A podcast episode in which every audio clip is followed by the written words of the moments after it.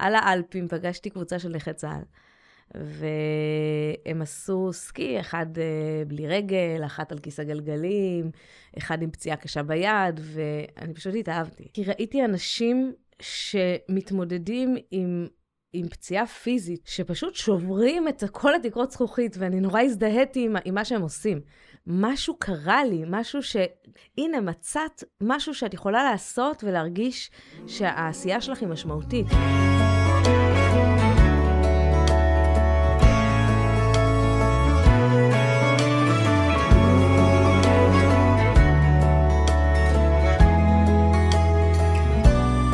ברוכים הבאים לפודקאסט מבית עמותת ריסטארט, מקום בו הגיבורים והגיבורות שנמצאים בינינו, פצועי ופצועות צה"ל, משתפים במסע שלהם, איך הם עשו ריסטארט לחיים, מתוך משבר להצלחה והתפתחות אישית ומקצועית.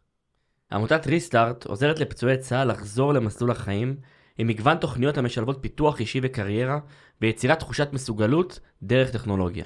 בכל מפגש נחשוף סיפור אישי של פצוע או פצועת הוא יושב ראש עמותה שושי, ונדבר על המסע מכאב לצמיחה. אני יאיר יונגר, לצידי, מה זה ירון, הקול שלך נשמע שונה הבוקר, עוד לא שתית את הקפה של הבוקר? אני בדיוק בקפה של הבוקר, ממש התחלתי אותו. גם אבל משהו במראה, אני רואה המראה? פתאום משקפיים. אה, אה, רגע, זה לא ירון בכלל, מי, מי נמצא איתנו פה היום? אז אני אוהד, מי שהאזין לפ- לפרק הקודם שלי, אה, אוהד ה- רויסבלד, רו- חברים. על הקרב בסג'איה, אז היום אני פה בתור אה, מנחה מנחה אורח. אה, מכובד מאוד. מנחה אורח וחבר טוב מאוד של האורחת המדהימה שנמצאת איתנו פה היום. אה, נכון, אה, ומתנדב גם בעמותת ריסטארט. נכון, ואני חלק מהעמותה כבר אה, כמה שנים, ואני ממש ממש שמח להיות פה, אז תודה רבה שהזמנתם אותי. עוד אורח מיוחד זה פה דניאל. יש לנו עוד גם אורח אורח, ש- אה, ש- בלונדיני שוודי התפלח- מיוחד. כן. התפלח איתנו לאירוע, אבל אה, אנחנו נקווה שנצליח להעביר את הפודקאסט בשלום. שמבחינתי- זה מדהים לראות כמה הוא גדול. אז פעם אחרונה שראיתי אותו באמת, זה היה כש... כשבאתי באתי אלייך לבית חולים, והוצאתי אותך מהבית חולים אחרי הלידה. שבטח תכף נדבר על זה. אבל... אה, בוא תספר לנו עד אה, מי נמצא איתנו, חוץ מדניאל. דניאל ו... אז דניאל ושושי, אה, שושי רושנבסקי, שלום. יזמית בעולם, בעולמות ההייטק כבר 20 שנה, כיום מנהלת מוצר בחברת אקטיב פנס, יושבת ראש ריסטארט, אימא לדניאל, ועוד אחד בדרך, נכון ל... לרגע שאנחנו מקליטים את הפרק הזה. מתרגשים מאוד שאת פה, שושי. מכירים רגשת הרבה מאוד. שנים. אה, יזמית, דרימרית, פורצת דרך בכל התחומים, מקצועי, אישי.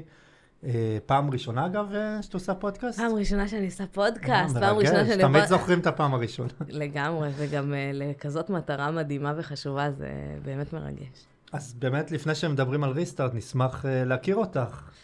נתחיל מההתחלה. יש לך סיפור חיים סופר מעניין. כן, אז גדלתי בירושלים. אה, אני גדלתי במשפחה חרדית. אה, לא שירתי בצבא, לא עשיתי שירות לאומי. אה, ההורים שלי שלחו אותי ללמוד מדעי מחשב בגיל 18, מיד אחרי שסיימתי תיכון. אה, זהו, התחלתי קריירה בהייטק, הייתי מתכנתת, אחר כך מנהלת מוצר, עשיתי סופר דברים מעניינים, הסתובבתי בעולם. אה, היה גם בתחקיר משהו סקוטלנד ראיתי? כשהיינו קטנים, ההורים. שלי היו בשליחות בסקוטלנד, אז האנגלית הבסיסית שלי הייתה אנגלית סקוטית, שזה די אה, משעשע. אה, חזרתי לארץ והייתי מדברת במבטא סקוטי, וזה היה די משעשע. אה, איזה גיל זה היה? מ-4 עד 6. אה, אוקיי. אז חזרתי ילדה בכיתה א', והייתי מדברת אנגלית במבטא סקוטי, אבל זה לא נשאר, כי ההורים שלי ישראלים. אה, גדלתי במשפחה מאוד, אה, מאוד חמה ואוהבת. אבל כשאתה גדל במגזר החרדי, אז מצפים ממך להיות, אה, להיות מאוד באיזושהי תבנית של אוקיי, אה, מצפים ממני להיות, אה, להתלבש בצורה מסוימת ולהתנהג בצורה מסוימת ולעשות דברים מסוימים ולהתחתן בגיל 18 עד 22 גג עם בחור שיושב ולומד. ואתה כאילו, מצפים ממך להיות באיזושהי תבנית ב... ש... שבונים לך מראש. ואני, מה לעשות, לא התאמתי לשום תבנית. אה, לא בקטע רע, אגב, אף פעם לא הייתי מרדנית, אבל פשוט לא התאמתי לתבנית הזו, אז... אה, אגב, הורים מדהימים, אני זכיתי להכיר את אה, יש לי שני משפחה ההורים. באמת באמת מדהימה, גדלתי במקום מדהים. זה מצחיק להגיד את זה, כי הרבה פעמים אנשים אומרים, מה, חרדים וזה, אבל זה לא החרדים שאתם רואים בטלוויזיה. הר נוף, נכון? זה- בהר-נוף, זה חרדים קצת אחרים. המשפחה שלי ספציפית היא גם משפחה מאוד מיוחדת. וההורים שלי דו- דווקא דחפו אותי ללמוד מדעי מחשב. אבל לא היה בכלל אופציה של ללכת לשרת. לא בבית ספר, לא במשפחה, לא במקום שבו גדלתי. זה לא שאני בחרתי בגיל 18 לא לשרת. בגיל 18 לא הייתה בכלל אופציה כזו על הפרק.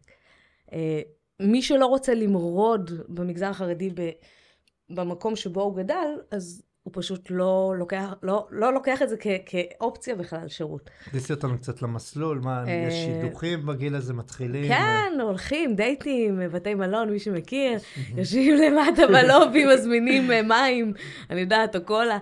אה, כן, היה לך את ודייט הזכות... אה, דייט רביעי זה כבר חתונה. דייט חמישי. בדרך כלל, אחותי התארסה בדייט חמישי. אז השאלה המעניינת, איך שברת את- התבנית הזאת? איך זה כאילו, איך נעשה השינוי הזה? אז, בתבנית הזאת, אם אתה לא מתחתן בגיל 22, 3, 4, אז אתה קצת אה, מתחיל לחפש את עצמך. ו, ואני, כל פעם שהייתי באיזה מקום ש... ולא מצאתי את, ה, את המיועד שלי בגיל 21, 2, 3, 4, אה, אז לאט לאט התחלתי לחפש את המיקום שלי, והמיקום שלי היה מיקום שהוא, שהוא כנראה לא התאים לאורח חיים החרדי בגיל מסוים שאתה לא מתחתן.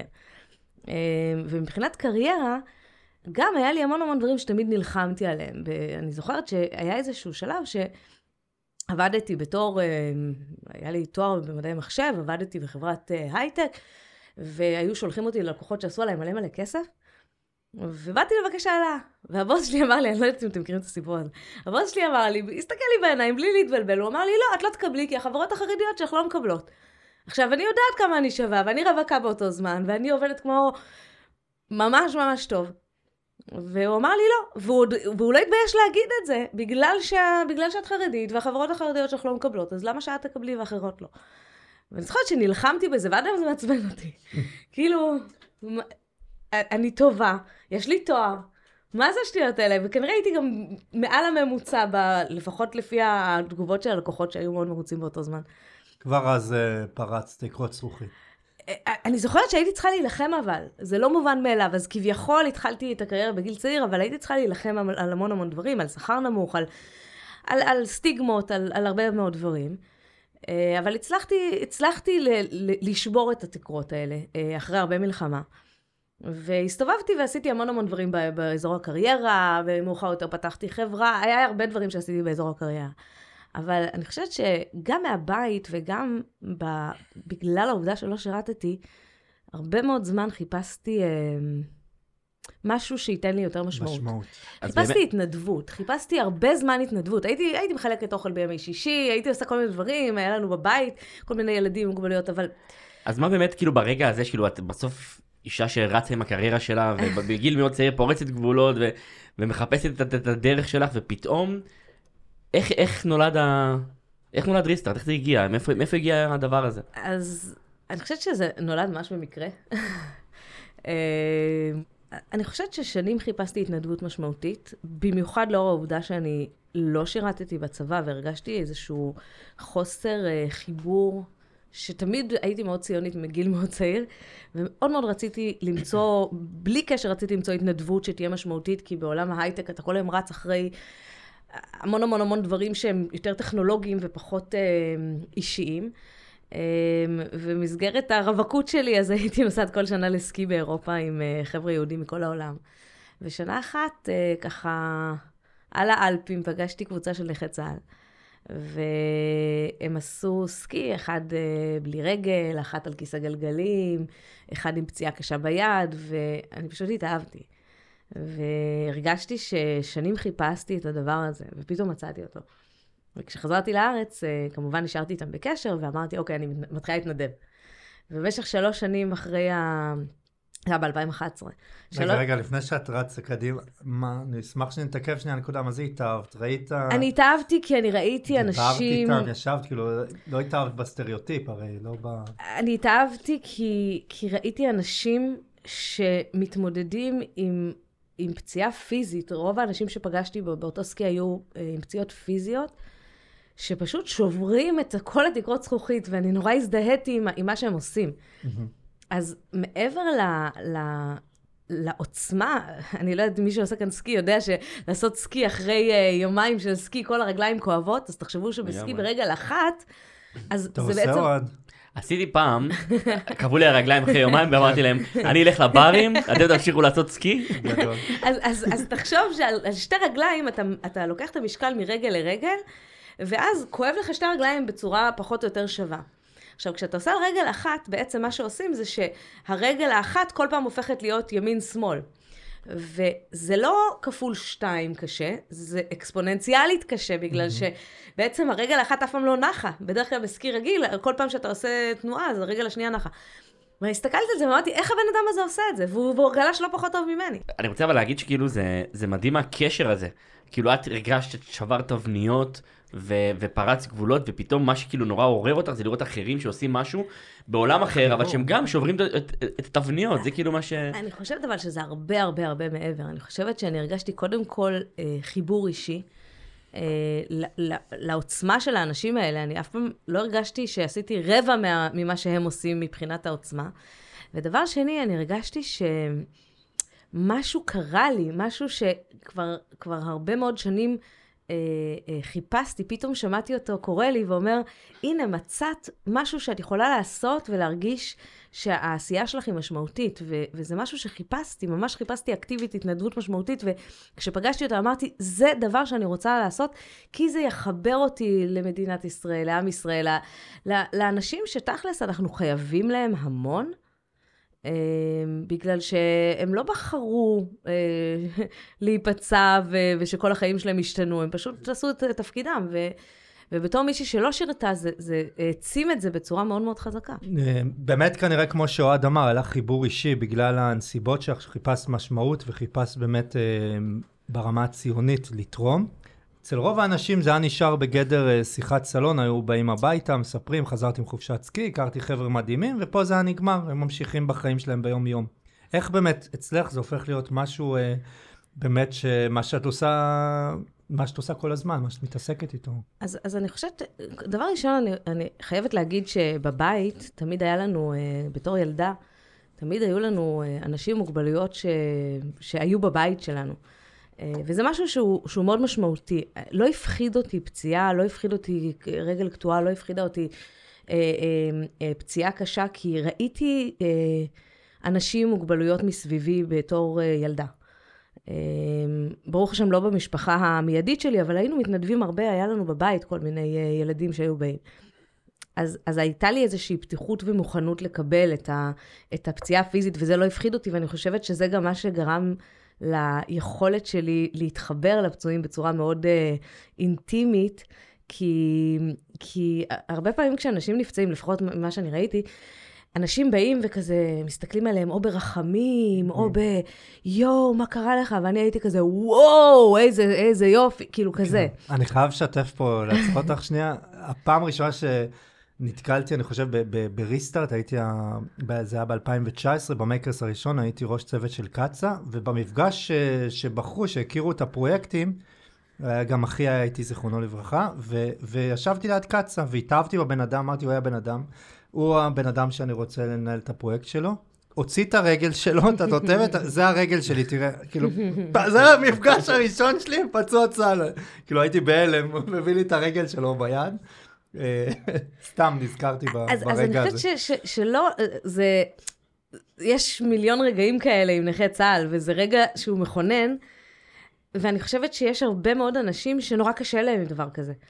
ו, ו, וכל האנשים שהיו מגיבים, היו מוציאים לו עם רגל והיו מגיבים בפחד או ב, בכזה רתיעה, זה אנשים שלעולם לא יוכלו באמת להתנדב בצורה אה, כנה ואמיתית, כי, כי הבן אדם ש, ש, שיש לו איזושהי מוג, מוגבלות פיזית, הוא פשוט אה, יראה את התגובה הזאת כי אתה ויקח צעד מסתכל אחורה. פנימה, כמו שאמרת, לבן אדם. לא, אתה לא מסתכל על ה... על ה... איך זה נקרא?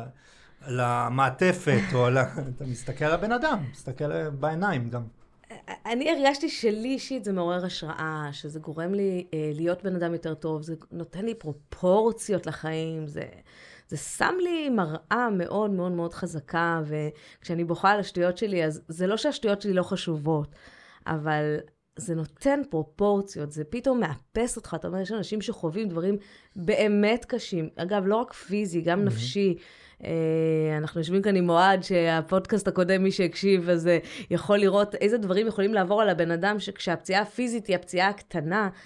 ונחשפתי לכל הדבר הזה, וכשאמרתי מקודם, התאהבתי, התאהבתי ב...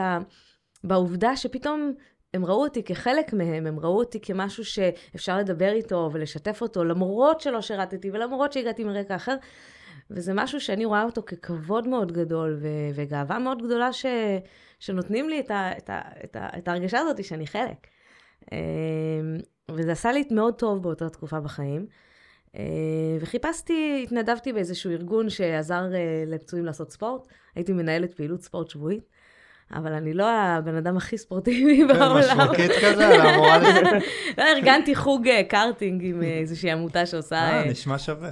היה מאוד שווה, והכרתי מלא חבר'ה, הכרתי משהו כמו 100 ומשהו אה, פצועים במהלך שלוש שנים. אה, ואז אה, בעצם אה, היה, אה, היה את מבצע צוק איתן ב-2014. בעצם עד אז, כל הזמן חשבתי מה אפשר לעשות ואיך אפשר לעזור, ומעבר להתנדבות השבועית שבאמת אה, פתחה לי הרבה עולמות, חיפשתי משהו יותר, וכשהתחיל צוק איתן, אז פשוט אחרי חודש מאז שנגמרה המלחמה, התחלתי ללכת, ל... התחלתי ללכת לבית חולים, והכרתי את כל מי שהיה מאושפז באותו זמן. אני חושבת שדי התמכרתי, הייתי שלוש-ארבע פעמים בשבוע. באותו זמן... כל אחד וההתמכרויות שלו. כן, לא, זה היה שם, היה בבית חולים, אני, זה נורא נורא תלוי גם למי, כי נגיד אוהד, באותו זמן היה מנותק, לא דיבר עם אף אחד, לא רצה לראות אף אחד, לא זה, אבל היה הרבה חבר'ה שהם הגיעו לבית חולים ו... וישבו שם חבר'ה צעירים בני 20, איזה 60 חבר'ה. שנכון, הם חוו דברים מאוד קשים, והיו עם כיסאות גלגלים, וברזלים ברגליים, ובידיים, והפציעות שם היו באמת uh, על הפנים. מצד שני, מה יכולים לעשות חבר'ה בני 20 במשך חודשים לבד במחלקה? אז התחילו לעשות שם חגיגות, והיה שם באמת אווירה, הכל היה מלא בבלונים, ודובים, ודובונים כאלה, ו- ושלטים שכל העולם שלח להם מכתבים, תלו את זה על כל הקירות, ודגלים. אבל זה גם יותר מזה שזה חבר'ה צעירים שלא היה להם מה לעשות, זה כאילו, המשהו בביחד הזה, הוא היה, הוא היה כאילו, זה, זה סוג של התמודדות שלהם הייתה. הייתה שם על אנרגיה. לשבת ביחד, עם אנשים שמכירים אחד את השני פתאום, שפתאום אתה מדבר באותה שפה. זה- צוקים? איך אתם קוראים? צוקים. צוקים. אז זה כאילו נראה לי זה, זה עזר, זה גם עזר להם מאוד להתמודד עם ה... החבר'ה עם מה שהם שהיו חוו. ב, ב, במקום הזה, היו חייבים את הפריקה. הרי אי אפשר כל היום לשבת ו-. ולבכות. ו- ונוצרו שם רגעים קסומים, מעבר לעובדה שגם הגיעו כל מיני מוזרים, היה שם ערב רב של אנשים שנכנסו ויצאו ונכנסו ויצאו, אבל רוב האנשים היו מגיעים פעם אחת, מקסימום פעמיים והולכים. והפצועים התגבשו לחבורה מאוד מאוד מגובשת, למעט אלה שהיו בטראומה מאוד חזקה ולקח להם כמה חודשים. אבל היה שם כמות מאוד גדולה של, של חבר'ה שבאמת עשו, אה, הרבה חודשים בעצם היו צריכים להיות בבית חולים. ו, והיה מספר מאוד קטן של מתנדבים, שאני הייתי ביניהם, שהיו מגיעים פעם אחר פעם אחר פעם, וכשאתה מגיע ורואים שאתה שם להישאר ושאתה לא בא עם אינטרסים, אז הם נפתחים. וה, ו, וכשהם נפתחו אלינו, אז נוצרו דברים מאוד מאוד קסומים. רגעים מצד אחד של המון כאב, אבל מצד שני של המון תקווה. כי אתה רואה בן אדם שח, שוכב במיטה, לא יכול לזוז, אחר כך פתאום כיסא גלגלים, פתאום קביים, פתאום אה, מקל, פתאום הכל טוב, ו, ו, ופתאום הוא נראה לך סבבה. למרות שהפציעה שלו הייתה סופר קשה. אז יש שם המון תקווה בשיקום, ב- בשיקום אחרי מלחמה. ו... וכמה חודשים אחרי, אז החברים שלי שהיו שומעים כל היום סיפורים, כי הייתי כל הזמן שם, התחילו להגיד, גם אנחנו רוצים לעזור. ובאותו זמן אני בעצם התחלתי, היה לי סטארט-אפ שבאותו זמן הקמתי. ו... ובעולם ש... שהייתי חיה בו, אז ה... היזמים והאנשים מהעולם העסקי אה, התחילו להגיד, בוא נעשה גם אנחנו דברים. אז התחלנו לחשוב מה אנחנו יכולים לעזור. והדבר שהיה נראה לנו הכי נכון אה, לעזור זה האזור של התעסוקה. אז התחלנו לעשות סדנאות שלוקחות חבר'ה שנפצעו. ובודקות מה הם רוצים, חושפות אותם לכל מיני עולמות תוכן, אה, עולם תוכן של קריירה, כתיבת קורות חיים, כל מיני דברים. עשינו מפגשים בוויקס, עשינו מפגשים ב, בכל מיני אה, אזורים, אה, בנייה של תלת מימד, עשינו כל מיני דברים. ו, ולאט לאט הדבר הזה התפתח לתוכנית ממש, תוכנית של מנטורים. אמ, וככה התחילה העמותה, בעצם אנשי עסקים, חברים שלי שאמרו... היה לה שם בשלב הזה? כאילו, קראו לה כבר ריסטארט? ריסטארט, אמ, אנחנו ישבנו, אני זוכרת, עם אביגיל לוין ואייזיק, שאחד המייסדים, ואיתי ארנליב, שהוא גם אחד, אחד הראשונים, שהוא אחד הפצועים הוותיקים יותר, כמה פצועים וכמה, ו, וכמה, אמ, וכמה מתנדבים. אנשי עסקים, ישבנו בירושלים, בבייגל קפה, אני זוכרת ממש את המקום, וחשבנו על שמות, ואז ריסטארט היה אחת האופציות. זה היה משהו כמו שנה אחרי צוק איתן, ואמרנו, יאללה, נקרא לזה ריסטארט. ואמרנו, זה שם זמני, נחליף אותו אחר כך, שיהיה לנו משהו יותר טוב. ועשינו כמה סבבים אחר כך לשינוי השם, ותמיד הגענו חזרה לריסטארט, אמרנו, זה נשמע, משהו בריסטארט הוא נכון. הוא נכון ב... הוא ממש מדויק, הוא נכון לפעילות שלנו. וזה התרחב והתרחב והתרחב, ובאמת ה- ה- ה- ה- המקום שבו התחלנו לפחות, היה החיבור החזק בין העולם העסקי ואנשי עסקים לפצועים, כי הבנתי והצלחתי איכשהו לגרום לכל מי שמסביבי, להבין שכנראה החיבור לאנשים, לאנשי מפתח בתעשייה, זה משהו שהוא שונה, הוא יוניק. יש המון עמותות שעוזרות לנכי צה"ל, יש מעט עמותות שאומרות לנכי צה"ל, בואו, אנחנו לא ננציח את הפציעה, אלא אנחנו נוציא אתכם מהפציעה. וה... אולי במקום אני... לעזור, המילה היא לקדם. שבאמת זה משהו לקדם פצועי צה"ל. אנחנו פשוט לא נותנים מתנות, אנחנו נותנים את החכה, לא את הדגים. אנחנו אומרים, אוקיי, אתה רוצה להתפתח בכיוון מסוים, ניתן לך את כל הכלים שיאפשרו לך להתפתח לכיוון שאתה רוצה. ואני חושבת שאנשים בכלל, באופן כללי, בלי קשר לפציעה, צריכים הרבה פעמים את הדחיפה הזאת של בוא נוציא אותך רגע מה-comfort zone שלך וניקח אותך למקום של עשייה. ונכה צה"ל כפול ומכופל, כי הרבה פעמים הפציעה לוקחת אותם אחורה, ויש איזשהו שיתוק וחוסר יכולת להתקדם, ומה יהיה ואיך יהיה, וביטחון עצמי ירוד. ואני חושבת שבנקודה הזאת אנחנו נכנסנו עם המון המון המון אהבה גם. והאנשים, המתנדבים הסופר מדהימים שלנו, באמת נכנסו עם כל כך הרבה, כל כך הרבה, אנחנו פה. אתה צריך אותי, תבוא אליי הביתה ביום שישי. זאת אומרת, אנשים, מנכ"לים של חברות, או אנשים סופר עסוקים, או בכירים בצבא. כי הם מתחברים לרעיון, הם מתחברים לרעיון שעומד מאחורי זה. ואני חושב שגם מה שמאוד מיוחד בעמותה, ושונה נורא בנוף של העמותה, בטח בנוף של אה, עמותות אחרות של נכי צה"ל, זה התזמון. כן. כי בסוף ריסטארט מגיע לפצועים, לחבר'ה שצריכים את, ה, את הדחיפה שדיברתם עליה קודם, בדיוק בנקודה שאחרי השיקום. כאילו, את השיקום הפיזי והנפשי אתה עובר בבית חולים, אבל השאלה מה קורה דקה אחרי. יצאתי מהבית חולים ועכשיו מה קורה. ובדיוק כל מה ששושי אמרה עם כל ההתמודדויות, הביטחון העצמי, הירוד, מה קורה עכשיו? עכשיו צריך את הריסטארט הזה, עכשיו צריך את השינוי.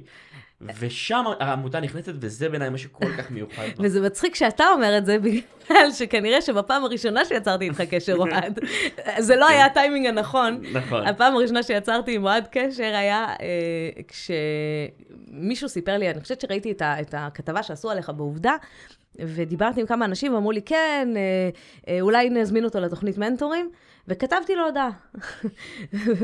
והוא סוג של נפנף אותי. ועד היום לא עניתי.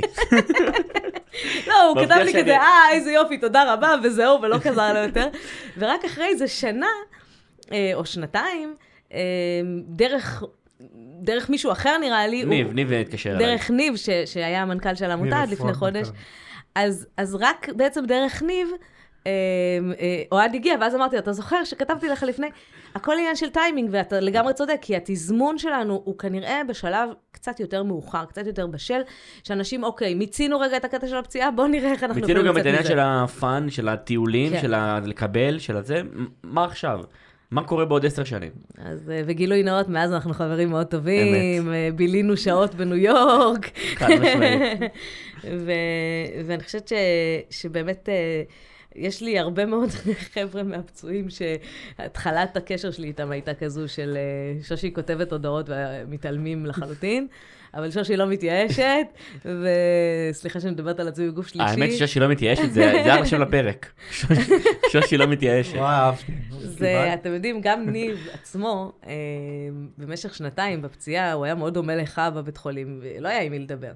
אה, ניב בבית חולים היה מנותק לחלוטין, הוא עבר אה, פציעה מאוד קשה, שלושה חיילים שלו נהרגו, והוא לא היה עם כל החבר'ה, כמו שתיארתי. ו... והייתי כותבת לו כל כמה חודשים כזה הודעה, לפעמים היה עונה, לפעמים לא היה עונה. ורק אחרי שנתיים מהפציעה, הצענו לו בעצם להצטרף למייקרס, לאחת הפעילויות של ריסטארט, ו... והמייקרס שינה את, ה... את כל היחס של ניב, גם אליי וגם בכלל, שאחר כך גם שינה לו את חייו. אבל, אה, אבל הוא היה דוגמה של בן אדם שבאמת היה במקום, אני חושבת שניב באמת, אה, אם אתה שומע את זה, אז אני מקווה שזה בסדר שאני אומרת את זה, אבל אני תמיד אומרת שאחד הדברים הכי גדולים שריסטוט עשה זה, זה לקחת את ניב, ו, והוא הפך להיות המנכ"ל, והוא היה מנכ"ל מדהים. במשך חמש שנים הוא הביא את העמותה מ-0 ל-3,000. ובדרך הוא התפתח בצורה שאחרי איזה שנה וחצי בעמותה, אני אמרתי לחבר'ה האחרים בוועד המנהל, אמרתי להם, תקשיבו, אני מרגישה שאני מגיעה למיצוי היכולת אה, ללמד אותו, והוא היה בחור צעיר, עבודה ראשונה שלו, אבל באמת, אחד האנשים היותר מוכשרים, ואני חושבת שהעובדה שהאמנו בו ולקחנו אותו, ו- ו- ובאמת פתחנו את, ה- את, ה- את היכולת, גם המנכ"ל שלנו, וגם העובדים בריסטארט, אגב, כולם אה, אה, הם נכי צה"ל, אז אנחנו, גם עצם העבודה בריסטארט זה משהו שהוא, שהוא מקדם את האנשים. אה, ולכן אני מאוד מאוד גאה בזה, זה שונה בנוף של העמותות, כי הרבה פעמים... עמותות תמיד אומרים, רגע, אבל, אה, אבל מה הולך למשכורות ומה הולך לפעילות? ומבחינתי המשכורות זה פעילות. כי כשנכי צה"ל מצאו עבודה והתפתחו אישית במהלך העבודה בריסטארט, מבחינתי זה, עבוד, זה, זה, זה מטרת העמותה לכל דבר. מה, מה זה ריסטארט עבורך? ריסטארט עבורי זה קודם כל משפחה. אמ, בגלל הרקע שלי, היה לי כל מיני מעגלים של חברים. היה לי את המעגלים של החברים מהעבודה, היה לי את המעגלים של החברים מהתיכון, היה לי את המעגלים של החברים הרווקים מהרווקות המאוחרת, היה לי את הבנות שלמדו איתי אה, בשלבים יותר צעירים מהמשפחה שהיא חרדית עדיין. אבל אה, בריסטארט זה מקום שבשבילי החבר'ה האלה הם, הם באמת משפחה. כשהייתי בחדר לידה, האנשים שדיברתי איתם היו, היו אנשים מריסטארט. הם היו האנשים, חוץ מהמשפחה הקרובה שלי, שידעו שאני בחדר לידה. גם אנשים שהוציאו אותך מהבית חולים עם התינוק. אוהד הוציא אותי מהבית חולים עם התינוק, לקח אותי לבית שמש לאחותי. וואו. אמת. מעגל. אני חייבת להגיד לכם ש, שגם דניאל, אני אולי לא דיברתי על זה, אבל אני היום אימא יחידנית לדניאל, ועוד אחד בדרך, ואחד הדברים שהשפיעו עליי הכי בחיים שלי היה אה, בעצם אה, ההתנדבות בריסטארט. במסגרת תוכנית המנטורים, בתור מתנדבת, בתור מארגנת האירוע של תוכנית המנטורים, עשינו סדנת כתיבת מטרות. ואני מוצאת את עצמי בחדר, יושבת עם עוד איזה 15 נכי צה"ל, וכותבת את המטרות האישיות שלי. הייתי בחורה רווקה, בת 30 ומשהו. ו... העוצמה של כתיבת מטרות אישיות ביחד עם אנשים שחוו פציעה, זה משהו שאני לא יכולה להסביר לכם את זה. אוהד, אתה לא תבין, כי אתה חווית פציעה. יונגר, אני לא יודעת אם עשית את זה, ואם עשית את זה, אז אתה תבין. עושה את זה כל תוכנית. אז אתה מבין. כן. זה, יש בזה עוצמה שהיא באמת uh, חריגה. ואני התחלתי להציב מטרות שהן היו מטרות uh, מאוד מאוד מאוד שאפתניות בחיים שלי. אחת המטרות הייתה לגרום ל-Makers for Heroes להצליח. בשביל זה עזבתי.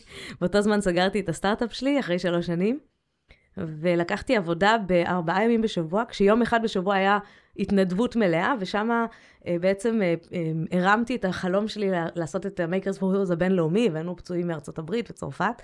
זה היה החלום הראשון שלי. ושנה אחר כך, שבעצם הגשמתי את החלום, שגם גרם לי למצוא את העבודה הבאה שלי, ו- וזה סיפור כבר לפעם אחרת, ישבתי וכתבתי מטרות, ואמרתי, אוקיי, אני כבר בת 37, הגיע הזמן אה, להפוך להיות אימא. ו... ובעצם אה, קיבלתי החלטה בתוכנית המנטורים, והיא כתובה לי עד היום באיזו מחברת של אחת מהתוכניות, אמ, שאני רוצה להתחיל את התהליך להיות אימא יחידנית. וואו. עכשיו, אה, זה, זה לגמרי, לגמרי, אני, אני אומרת, זה, זה קשור ישירות ל, ל, לחבר'ה, כי אני עשיתי את זה בתוך מסגרת התוכנית, ו... וזה שינה את חיי. היום אני אימא עוד מעט לשניים, ו... מדהים. וזה זה באמת ההשפעה, לפעמים אנחנו אומרים השפעה של ה... דיברנו על תקרות זכוכית קודם, זה אחת מהן. אתה יודע, אנחנו הרבה אחת פעמים מיני אומרים... רבות, צריך להגיד. כן. אנשים תמיד תופסים את זה, אנחנו מתנדבים עבור הפצועים, אבל אני חושבת שההשפעה והאפקט על המתנדבים, לפעמים היא לא. היא לא פחותה. כן. היא, היא כמובן לא אותו דבר, אבל המתנדבים בריסטארט מקבלים דברים שבאמת מתרמים. לא ראיתי במקומות אחרים. יש לך איזה סיפור אולי לשתף אותנו באיזה מת, מתנדב או מישהו שככה קשור לעמותה שככה... איזה סיפור כזה מעניין ששינה את חייו או עשה לו איזה משהו או... האמת היא, יש אחד, במסגרת העבודה, אני לא, לא אציין שמות, אבל במסגרת העבודה, אמ, לפני כמה שנים חיפשתי עבודה. חיפשתי עבודה חדשה, ודרך הקשרים שלי בעולם היזמות, אז אמ, הפנו אותי לאיזה מישהו שעובד באיזה חברה מאוד גדולה, ואני מדברת איתו, ואומרת לו, כן, אני רוצה להתראיין למשרה הזאת והזו. ואז הוא אומר לי, אוקיי, תספרי לי עלייך קצת, ואני מספרת לו, ואז אני מספרת על ריסטארט, ואז הוא אומר, אוקיי, עצרי הכל. דברי איתי על ריסטארט. קצת כמו שהיה איתך, יונגר. אה, ואני מספרת לו על ריסטארט, והבן אדם אומר לי, תקשיבי, אנחנו צריכים שיחה נפרדת רק על זה. מסתבר שהוא הוא בכיר מאוד בחברה שהוא נמצא בה. מסתבר שהוא חווה בעצמו פציעה במשך שבע שנים. אף אחד לא התייחס אליו, אף אחד לא הכיר אותו, אף אחד לא הכיר בו, מלחמות עם אגף השיקום. בקיצור, הבן אדם היה, אה, חווה גם פציעה פיזית מאוד קשה וגם אה, ההשלכות הנפשיות שבעקבות הפציעה. והוא הפך להיות מנטור ומעורב מאוד בפעילות של העמותה, ו, ו, וזה היה לגמרי במקרה. ואני חושבת שהדברים האלה, הוא, הוא בעצם הגיע כמנטור, אבל, אבל מנטורים כמוהו, זה מנטורים שמצד אחד הם נותנים הכי הרבה שהם יכולים, מצד שני הם היו שם, אז הם, הם יכולים, הם יבינו את הפצועים הרבה יותר ממה שאני אי פעם אהיה מסוגלת. אני יודע על מי מדובר, וגם גם ואני חושב שזה יותר מזה, כאילו זה לא רק, גם מנטורים שהם לא חוו פציעה בעצמם, אני חושב שעצם ה... זאת אומרת, זה, זה מה שיפה גם ב- בפעילות של העמותה, שזה דו צדדי. כן. זאת אומרת, הפצועים נתרמים המון מהניסיון של המנטורים וממה שהם מביאים לשולחן, אבל אני חושב שאני בהרבה שיחות שלי עם חבר'ה, עם מנטור, גם עם מנטורים, גם עם מתנדבים בעמותה, זה גם, הם נתרמים המון.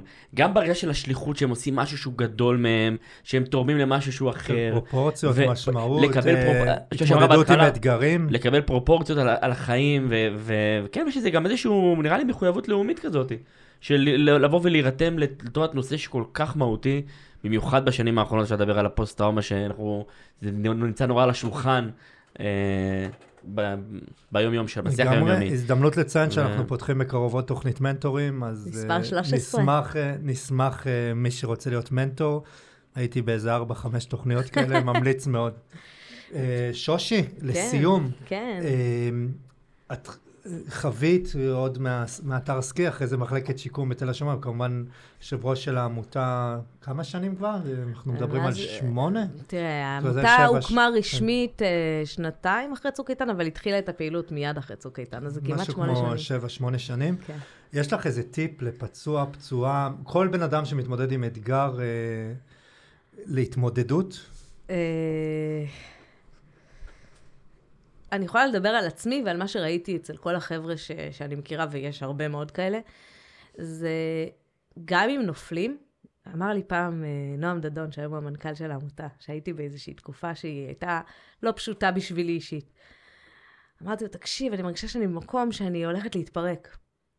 אז הוא אמר לי, לא נורא, מקסימום תתפרקי, אל תפחדי, מקסימום תתפרקי ואנחנו נהיה שם לאסוף את החתיכות.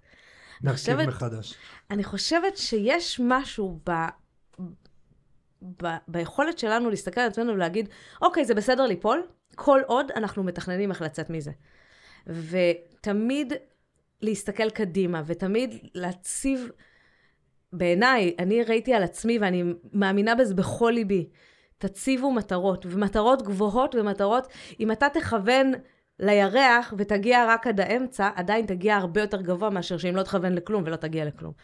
אז אה, אם יש משהו אחד שאני יכולה להגיד בעקבות כל השנים שלי עם ההתנדבות ועם האישי ועם הכל, תעשו את, ה, את, ה, את ההבנה של הצבת המטרות לעצמכם, תציבו יעדים בלתי אפשריים ואתם תראו שתחוללו פלאים. טוב, אז יש לנו איזושהי פינה קבועה. אוקיי. אני, אני אמנם רק אורח פה, אבל אה, תורי הפעם להעביר את, ה, את הוא הפינה. בא רק בשביל הפינה. רק בשביל הפינה אני הגעתי. חיכה להגיש את הפינה הזאת. חיכיתי רק לפינה הזאת. אז אה, פינה של אסוצ... אסוציאציות. אני אגיד מילה, אוקיי. אני אגיד מילה. ואת במהירות הבזק תגידי... אצל שושי זה אתגר לענות קצר. כן, זה עוד אני בהיריון, אז בכלל עם אני- ההורמונים, אז... אז אנחנו מרשים לך עד שני מילים, עד שתי מילים. אוקיי. אז המילה הראשונה היא אימא, אה, עוד רגע בפעם השנייה. בית, חום, הצלחה, יעדים, יזמות, לפרוץ גבולות, ריסטארט. משפחה. שושי, תודה רבה שהגעת היום לפודקאסט שלנו. אני חושב שזה היה מדהים לשמוע אותך, ומדהים לראות איך אפשר לקחת רעיון מנקודה כל כך אה, ראשונית ו- ו- ובסיסית, ולהפוך אותו למה שריסטארט נהייתה היום. אני לא יודעת כמה אנשים יודעים, אבל הקהילה היום היא ענקית והיא מגוונת, והיא כל כך מדהימה, ו- ותומכת ועוטפת ועוזרת. אז אנחנו כל כך שמחים אה, שהגעת לפה היום וסיפרת ושיתפת. תודה רבה אה, לכם. ותודה מיוחדת לחברת סמסונג נקסט, שמארחים אותנו באולפן תל אביב, ולעורך שלנו ניר אקמן. תודה תודה רבה רבה. לכולם. תודה רבה לאוהד רויסבלד, נראה לי, שושי, מה את אומרת? אה, ירון לא צריך לדאוג למקומו, ירון פה, אני חושבת זה, שאפשר לעשות, אה, אבל, שלישיית, אה, בדיוק, מנחים. אבל אוהד, אה, אוהד, עשית את זה, וואו. גם עשית את זה אתה, מדהים. יאיר, אה, זה כבר אה, פודקאסט אה, לא ראשון, ובאמת אה, עבודה נפלאה. מדהימים. אנחנו ממליצים לכולם להמשיך לעקוב אחרי הפודקאסט באפליקציית הפודקאסטים, לשתף, לפרגן, להגיב. יש לכם שאלות לאוהד, לשושי, תשלחו לנו בפייסבוק, באינסטגרם, מבטיחים לענות. אגב, מתנדבים, גם ליאיר אם יש שאלות. לכולם, מוזמנים. לכולם, והיה מעולה, ודניאל אה, גם כיכב היום בפרק, תודה רבה. ו... סליחה, יום שישי לא היה לי איפה לשים אותו. ויאללה ביי, נתראה בפרק הבא. ביי. ביי.